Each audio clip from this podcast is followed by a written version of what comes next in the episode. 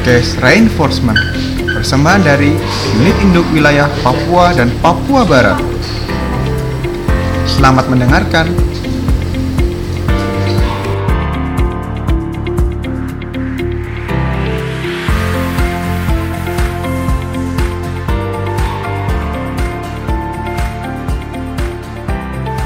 Assalamualaikum warahmatullahi wabarakatuh Salam sejahtera untuk kita semua Halo para peleners, kembali lagi dengan saya Syahnas Chandra Taro di podcast kesayang kita Reinforcement, Refresh the Information to Make an Enforcement Ya bagaimana kabarnya pada minggu ini Semoga semuanya tetap sehat tetap semangat menjalani aktivitas ya. Ya, kalau di Papua ini kan kita kemarin ya ada dua minggu itu kebetulan hari Jumatnya libur, jadi podcastnya juga libur.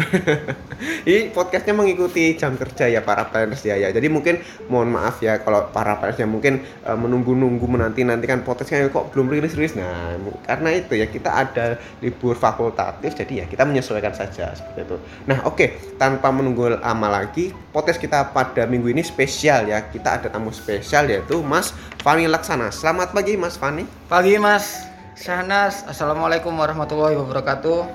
Waalaikumsalam warahmatullahi wabarakatuh. Bagaimana kabarnya hari ini Mas Fani? Alhamdulillah sehat. Sehat ya, luar Mas sehat ya? Alhamdulillah sehat juga. Terima kasih sudah bertanya. Ini anu ya para para ini Mas Fani ini orangnya sesuai dengan namanya ya Fani ya dan asik lah tentunya. Jadi para parents nih kalau, kalau mau ngobrol-ngobrol dengan beliau ini pasti enak lah ya ibarat diajak diskusi terutama. Nah, nah ini Mas Fani, eh, ini kan tema kita pada podcast kali ini kita mau membicarakan tentang eh, aset ini ya. Benar. Apalagi kan Mas Fani sudah eh, rekam jejaknya itu dalam hal ini tuh sudah melalang buana, sudah luar biasa sekali, pasti sudah di luar kepala. Nah mungkin sebelum kita membahas hal itu, mungkin Mas Fani mau eh, eh, apa intro dulu, mungkin ada prolog dulu mau perkenalan.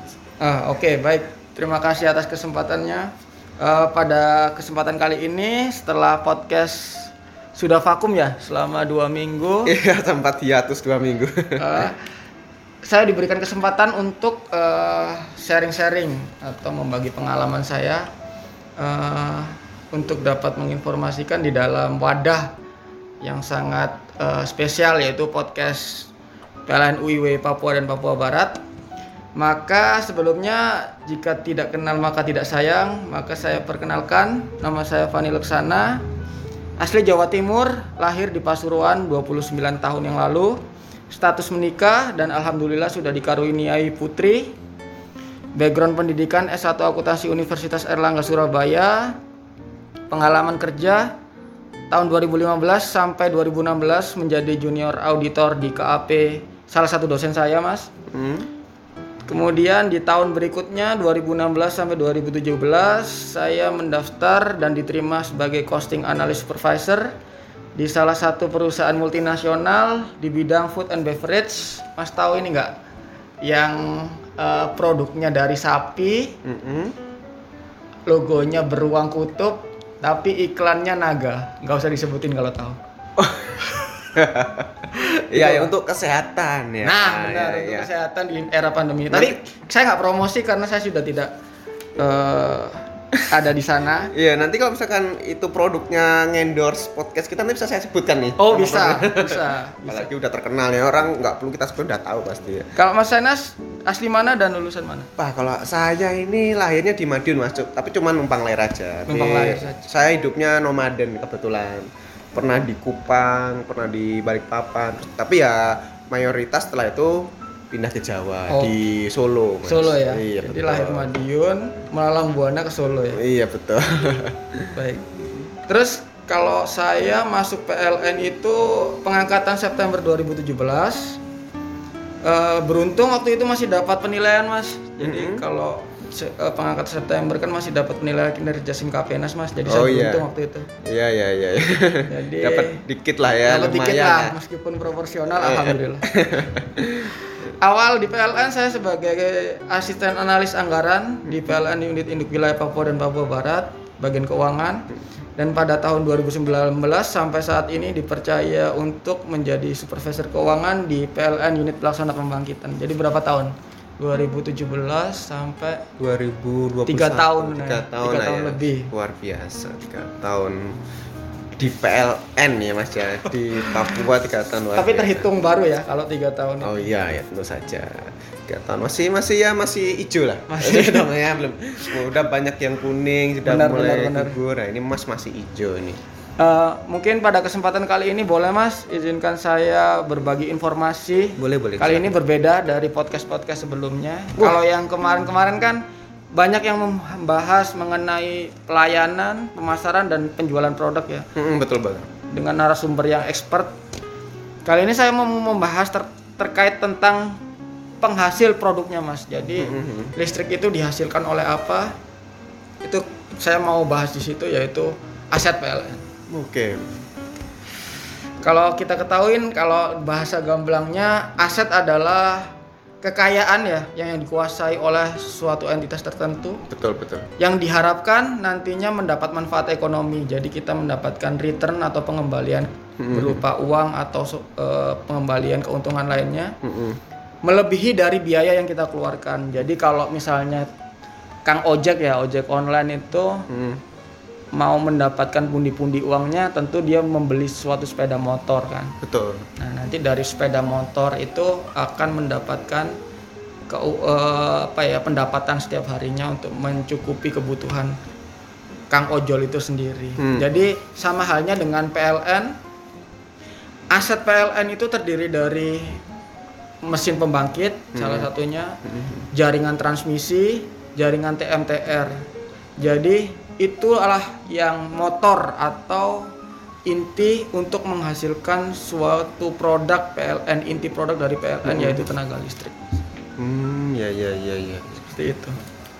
Kalau total nih Mas di Indonesia nih punya kan terbesar nih ya di Indonesia itu BUMN dengan aset terbesar. Ini rinciannya berapa ini kalau dirupiahkan? Ini nah kalau PLN sendiri karena ini bukan rahasia lagi ya karena dia itu adalah perusahaan 100% milik negara jadi laporan keuangannya sangat terbuka untuk umum jadi saya bisa sebutkan PLN merupakan BUMN dengan aset terbesar kira-kira 1.600 triliun. Kalau dibelikan jalan kote udah menambah ketahanan pangan nasional dia. bisa overweight juga sih Mas iya, kayaknya kolesterol juga naik sih kalau dibelikan jalan kote. iya iya iya. wah luar biasa ya Terus Papua sendiri atau wilayah Papua dan Papua Barat sendiri itu eh, kebagian 15 triliun, jadi nggak sampai satu persen ya. hmm di mana 7,4 triliun itu atau setengahnya adalah di berada di bawah OPK Papua dan Papua Barat. Hmm, iya iya iya iya. Jadi merupakan tanggung jawab sekaligus tantangan tersendiri bagi kita untuk mengelola dan menjaga aset sebesar ini. Mas. Oh, tapi kalau dilihat dari segi luas wilayah nih Mas Papua dengan aset yang eh, tadi itu ya nggak sampai satu persen ya, itu kira-kira berarti punya potensi untuk menambah aset lagi nggak Mas supaya untuk mendukung kelistrikan di Papua sendiri? Sangat sangat sangat eh, ada potensi buat eh, apa namanya meningkatkan atau mendukung eh, kelistrikan di Papua ya karena eh, infrastruktur kita ketahui eh, pada era saat ini infrastruktur di Papua itu sangat gencar-gencarnya dibangun Betul betul. dengan dibangunnya infrastruktur tentunya akan mendatangkan eh, angin segar untuk ekonomi Hmm. dan ekonomi pun harus sebanding dengan disupport oleh yang namanya tenaga listrik karena di Betul. bisnis ekonomi tidak lepas dari yang namanya tenaga listrik oleh karena itu potensinya sangat besar sekali Betul betul. untuk menambah pundi-pundi asetnya tersebut Hmm, hmm, hmm. sehingga aset ini kan penting harus dibutuhkan treatment khusus nih mas untuk mengelola dan e, merawatnya salah satunya adalah dengan markin fan tahu nggak markin fan? Markin fan, wah nama artis siapa itu? bukan itu adalah singkatan dari mari kita inventarisasi Oh, jadi gitu iya, iya. mas Markin fan. markin fan kita menyebutnya markin fan sih Iya iya iya. Akronimnya bagus banget ya. Uh, itu apa mas? Semacam uh, program atau uh, Ah, apa mas? Iya itu semacam aktivitas ya aktivitas rutin sebenarnya Mm-mm, mm-mm. yang dilakukan setiap periodik. Nah, inventarisasi inventarisasi aset ini adalah dengan melakukan mencocokkan kita punya data-data aset yang ada di sistem, Mm-mm. mengecek dan dengan mengecek kondisi di lapangan. Jadi misalnya kita punya mesin gas mesin PLTM Giholtekam Iya. kondisinya seperti apa nah itu kita melakukan cek di situ terkait kondisi tersebut dan keberadaan mesin tersebut gimana Iya, iya. nah kalau eh, sama halnya seperti manusia nih. Manusia ada medical check up ya. Betul betul. jadi untuk me- memeriksa apakah kondisi kesehatan manusia itu benar-benar fit atau ada penyakit Mm-mm. dilakukan medical check up. Sama halnya dengan mesin. Mesin merupakan salah satu aset juga. Jadi dilakukan medical check up secara berkala. Oh, berkala setiap seminggu sekali kan? minimal satu tahun harus dilakukan dua dua kali. Oh dua kali. dua kali. Luar biasa jadi.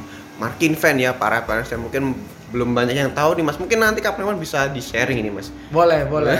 Nanti kita upload di PLN kita oke? Boleh siap. Lumayan nambah nambahin poin kan?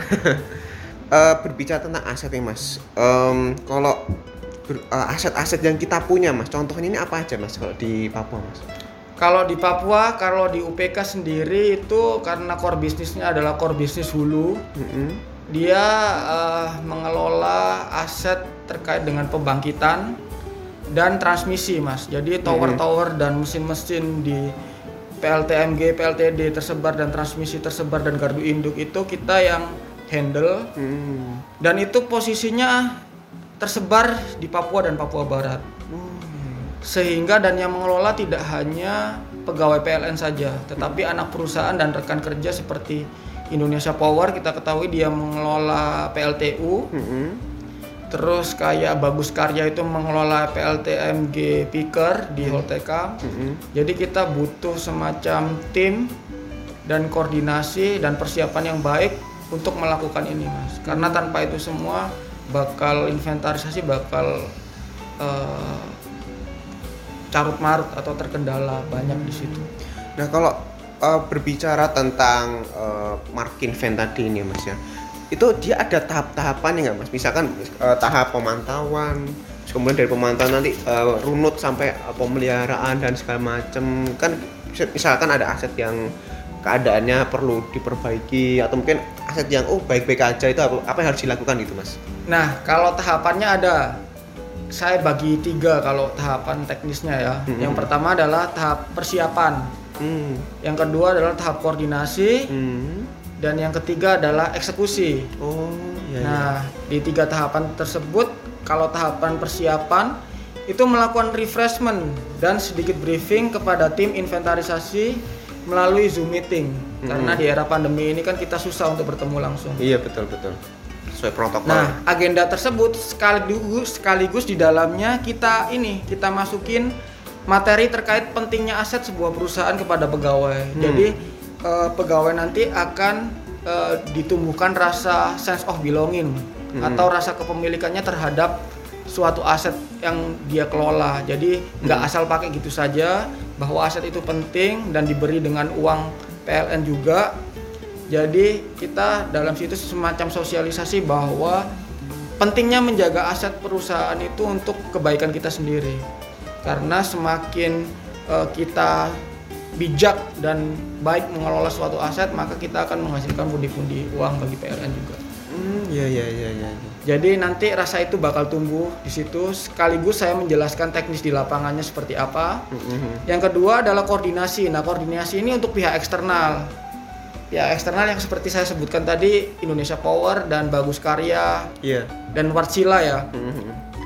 Koordinasi ini untuk ya, apa pihak eksternal di antaranya adalah perizinan mas. Soalnya kan untuk aset-aset PLN itu kan mere- mereka yang kelola, tapi itu punyanya kita. Betul betul. Dan kita sampaikan perizinannya tetap kita izin walaupun itu aset punya kita, tetap sopan santun dan protokol kita harus jalankan. Kita tidak boleh semena-mena sama mereka meskipun mereka itu anak perusahaan ataupun rekanan kita karena bagaimanapun rata-rata usia mereka itu di atas dari kita rata-rata. Oh, Jadi iya, iya. eh, tetap percaya diri tapi tetap memegang teguh respect kepada mereka. Oh berarti Mas dan kita semuanya secara tidak langsung menerapkan poin-poin akhlak ya Mas ya. Benar sekali. Kolaboratif dan harmonis. Ya, itu. luar biasa. Akhlak. Kerjasama dengan unit kerja lain, anak perusahaan terus tetap menjaga hubungan baik. Benar. luar biasa ini. Jadi nggak usah di apa ya ibaratnya terus-terus didengung-dengungkan. Bahkan sebelumnya akhlak luar sudah diterapkan Mas? Benar sekali, benar. cocok sekali. cocok bagus sekali luar biasa Jadi mm, nilai-nilai tersebut mungkin akan tanpa seda, benar tanpa digaungkan pun se- secara tidak langsung sudah kita terapkan dalam proses bisnis kita. Mm-mm. Jadi sudah eh, mendarah daging lah. Nah, ibarat. cuman mungkin ya perlu refreshment ya biar Perlu refreshment, perlu benar. biar orang tuh tahu oh saya itu yang saya lakukan tuh ini Iya, Nah, benar. kan kalau nggak itu mereka nggak tahu ini saya ngapain ya Benar, Ya, ya, benar, ya, ya. benar.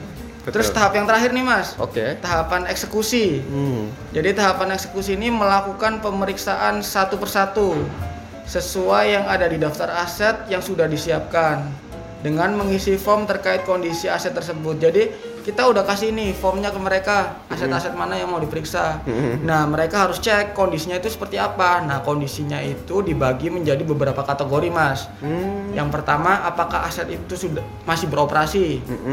Yang kedua adalah apakah aset itu idle. Jadi dia kondisinya masih baik tapi Hmm. tidak beroperasi. oh Seperti iya, iya. itu. Yang ketiga, apakah dia di rating? Tahu di rating nggak, Mas? oh apa ya mas ya Jadi penurunan kualitas, penurunan Oh. manfaat. Oh, Jadi iya. misalnya di pembangkit itu awalnya bisa melakukan 10 megawatt Mm-mm. dayanya, tetapi karena dia karena faktor eh, eksternal dan internal eh, maka dia akan melakukan ini terjadi penurunan Penurunan.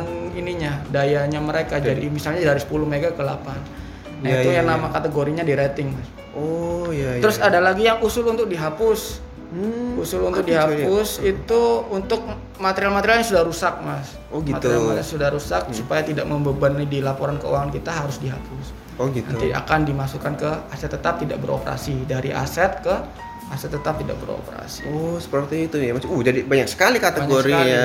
Ya marking fan ini ternyata tidak sesimpel namanya. ya di dalamnya masih dalam ini ya. Ibaratnya Iya. kayak palung Mariana. ternyata. benar benar benar, benar. luar biasa. Dan ini semua dilaksanakan dengan sangat teliti ya tentunya. Benar, Sangat satu persatu. satu persatu, koordinasi dan lain sebagainya. Luar biasa mas ya. iya Ya, set aset ini kalau emang kita mau bahas lebih jauh ini ternyata mungkin banyak sekali aset-aset yang masuk kategori tertentu yang mungkin dikiranya tidak bermanfaat, tapi bisa nggak sih mas ki- kita manfaatkan untuk hal lain gitu kira-kira? bisa bisa Eh, s- aset ini kan tidak hanya mesin hmm, hmm. tanah dan bangunan itu juga merupakan aset kita sedangkan kita banyak tanah dan bangunan atau dalam istilah lainnya properti investasi ya Hmm, hmm, yang bisa kita manfaatkan sebagai pundi-pundi lain mas Oh, seperti gitu. itu Iya iya iya. iya. mungkin di tempat lain ada yang memanfaatkan itu mas Nah, iya mas, jadi ini semua yang ini ya aset ini masuk eh, kategori untuk Beyond KWH mas. Jadi kalau sebagaimana kita tahu, jadi Beyond KWH itu adalah program PLN di mana kita tidak hanya berusaha untuk menjual listrik saja, tapi di luar itu, jadi Beyond bi- di luar listrik. Nah, contohnya nih mas kayak di Jakarta itu eh, kalau nggak salah UID Jakarta Raya atau yang lain ya Mas. mohon maaf ya kalau saya salah ya itu mereka menyewakan motor listrik atau sepeda listrik seperti itu kemudian kayak SPKLU yang dibangun sepanjang tol Jawa Sumatera itu nah itu kan dia bisa eh, memanfaatkan hal lain selain listrik sepeda listrik terus pengisian listrik itu Nah, kemudian PLN Mobile juga termasuk ini bisa masuk KW kalau misalkan nanti sudah ada iklan iklan masuk kan juga bisa tambahan untuk perusahaan kita sendiri. Nah, terus terkait ini Mas nih kebetulan. Nah, kalau di Papua sendiri potensinya gimana Mas kalau aset ini kita jadikan Beyond KWH ini? Hmm, ada potensi itu mas. Jadi kalau saya tangkap ya Beyond KWH yang saya tangkap dari Mas Syahnas ini adalah gimana PLN ini bisa mendapatkan pundi-pundi tambahan uang atau pendapatan melalui eh, selain daripada dia punya core bisnis atau bisnis utama ya. Betul, kan ini termasuk transformasi. Kita tidak bisa berdiam dalam satu zona nyaman. Kita harus mencoba hal yang baru, Baik, mengikuti baik. zaman kan. Siap siap. Kalau di Papua ini khususnya di PLN UPK sebenarnya ada sih mas Hmm. Eh, eh, potensi akan Beyond KWH itu. Kalau yang saya lihat adalah kita punya yang namanya lapangan bola. Oh. Jadi termasuk dalam aset juga hak atas tanah dan bangunan tempatnya di Puaina mas. Jadi kalau mau misalnya ke Sentani Mm-mm. Itu ada PLT di Waina, di situ ada lapangan bola. Oh iya iya ya tahu tahu saya. Jadi eh, prospeknya seperti apa? Prospeknya adalah kita menyewakan lapangan tersebut, sedikit dilakukan pemeliharaan, dipasang lampu lapangan juga Mm-mm. supaya nanti kita bisa memanfaatkannya bisa malam juga tidak hanya siang hari. Betul betul. Terus kemudian karena eh, atensi atau minat dalam hal sepak bola di Papua ini kan sangat tinggi ya. Betul. Jadi eh, kita manfaatkan eh, lapangan tersebut untuk kita sewakan. Iya iya. Nah, dapatnya kita pun dipundinya jadi dua. Jadi kan di Papua ini kita mempunyai listrik yang oversupply. Jadi Oh, iya. lebih-lebih ya kita Hmm. listrik. Jadi bagaimana kita mengoptimalkan itu supaya menjadi penjualan supaya jadi uang. Mm-mm. Jadi nanti keuntungannya jadi dua. Di sisi lain satu keuntungan adalah kita menyewakan lapangannya. Mm-mm.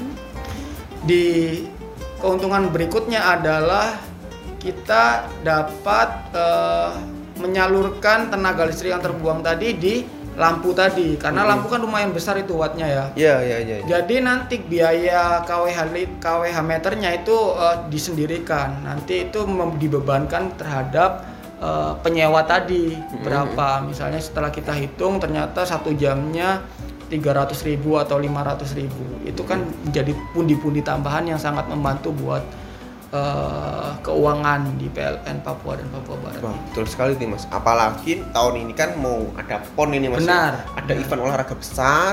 Tentunya setelah itu pasti minat minat orang terhadap olahraga kan ju- pasti minatnya tam- tambah ya mas ya. Benar. Nah, kan perlu lahan-lahan untuk meng- apa mengaktualisasikan minat mereka ini. Benar, benar. Nah, ini bisa jadi langkah yang bagus ini.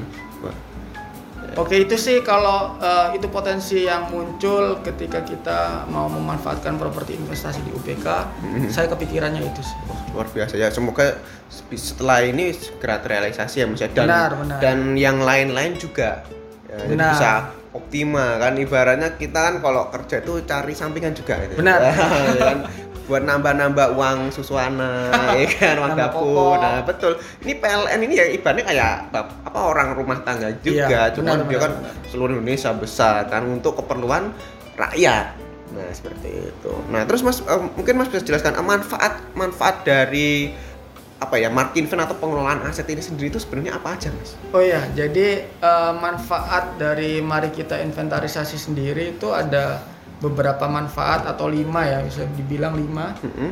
Yang pertama kan output dari inventarisasi inventarisasi ini adalah informasi ya, Betul. informasi terkait kondisi aset. Maka dengan didapatkan informasi tersebut, eh, manajemen jadi bisa memutuskan nih Mm-mm. eh, apa langkah apa yang dilakukan ke depan. Itu yang pertama sebagai informasi yang penting ya. iya Yang kedua adalah awareness atau kepedulian pegawai terhadap aset-aset yang dimiliki PLN. oh yang rasa belonging tadi Belonging, sense of belonging. Betul. Jadi pegawai bisa, oh ya nih aku punya barang ini harus aku jaga, harus aku rawat, nggak boleh hilang seperti itu. betul betul betul betul, betul. Yang ketiga adalah tepat sasaran dalam te- tepat sasaran dalam menggunakan biaya pemeliharaan. Iya, Jadi iya. kita nggak serampangan nih ngusulin biaya pemeliharaan, tapi mesin yang harusnya tidak dipelihara harus dipelihara seperti itu. Jadi Mhm. dengan inventarisasi ini kita tahu nih mana mesin-mesin eh, yang harus dipelihara yang diutim yang diutamakan kalau di RKAP itu diprioritaskan satu ya. Mhm. Ha, kita harus tahu. Jadi akurasi dalam menggunakan biaya pemeliharaan itu jadi tepat sasaran. iya iya iya. Jadi kita kita tidak waste karena kita kan eh, lagi gencar-gencarnya melakukan efisiensi ya. betul betul betul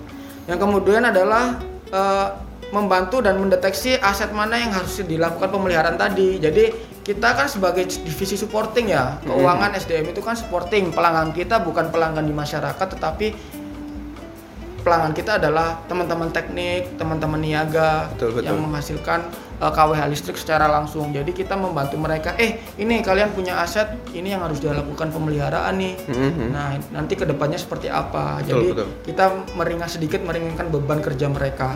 Yang terakhir adalah mengurangi risiko kehilangan aset perusahaan. Mhm. Nah, ini dengan dilakukan eh, pengecekan secara berkala, inventarisasi secara berkala ini dapat mengurangi risiko kehilangan nih, Mas. Mhm. Karena eh, sangat rawan sekali khususnya aset-aset yang kecil seperti peralatan kerja itu kan rawan sekali eh, salah eh, lupa mengembalikan atau bagaimana. Jadi dengan dilakukan eh, pengecekan secara berkala dapat mengurangi resiko kehilangan itu, Mas.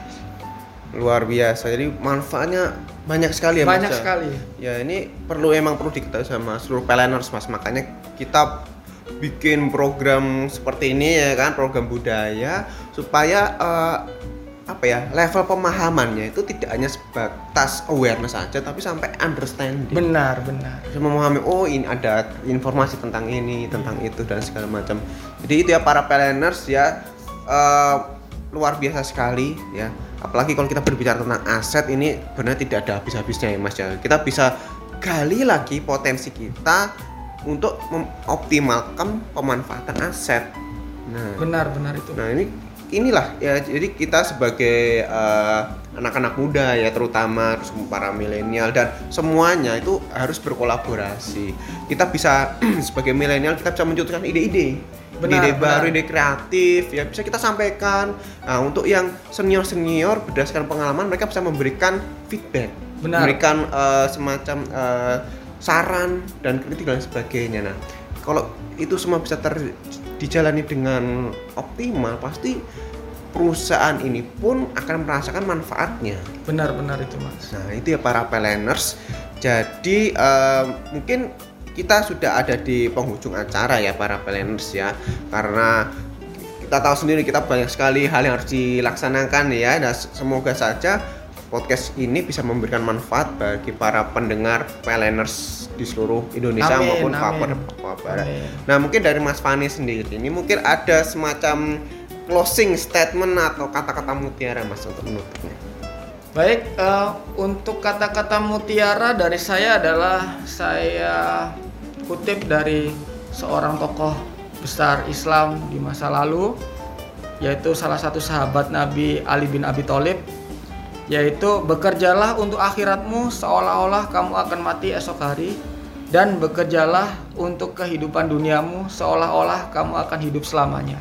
Wes, luar biasa makna yang sangat dalam sekali ya para peleners. Nah ini mas, kan sekarang lagi musim pantun nih, bolehlah Mas Hanas bu- buat. Bikin pantun buat kita rekan-rekan UPK nih. Oh iya iya iya iya.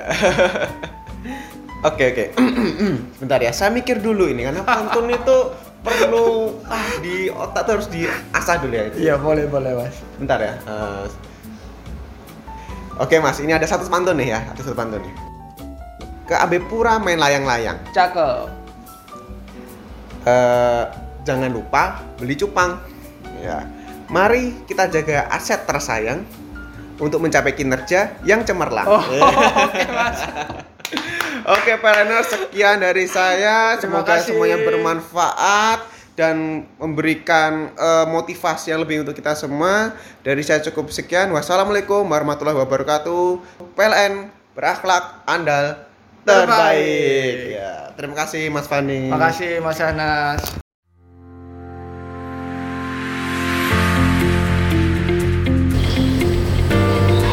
Terima kasih telah mendengarkan podcast minggu ini. Sampai jumpa minggu depan.